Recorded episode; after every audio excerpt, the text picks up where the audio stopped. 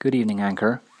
I've been thinking about and trying to come up with some sort of sort of theme or concept uh, to use here.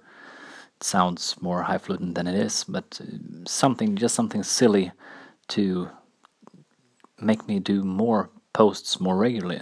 Regularly, and uh, due to the positive response I've got from Abby before when speaking Swedish, I thought it should have something to do with Swedish as well. And I think I have an idea. It's a silly idea.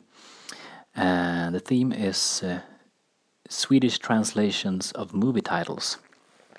You see, here in Sweden, we consume a lot of American and British movies and TV shows. And we don't dub uh, the media, we subtitle it. But we sometimes do translate the titles of it.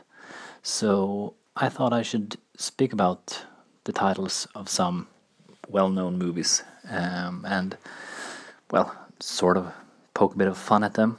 And uh, I thought I should start uh, with a franchise to really keep it going.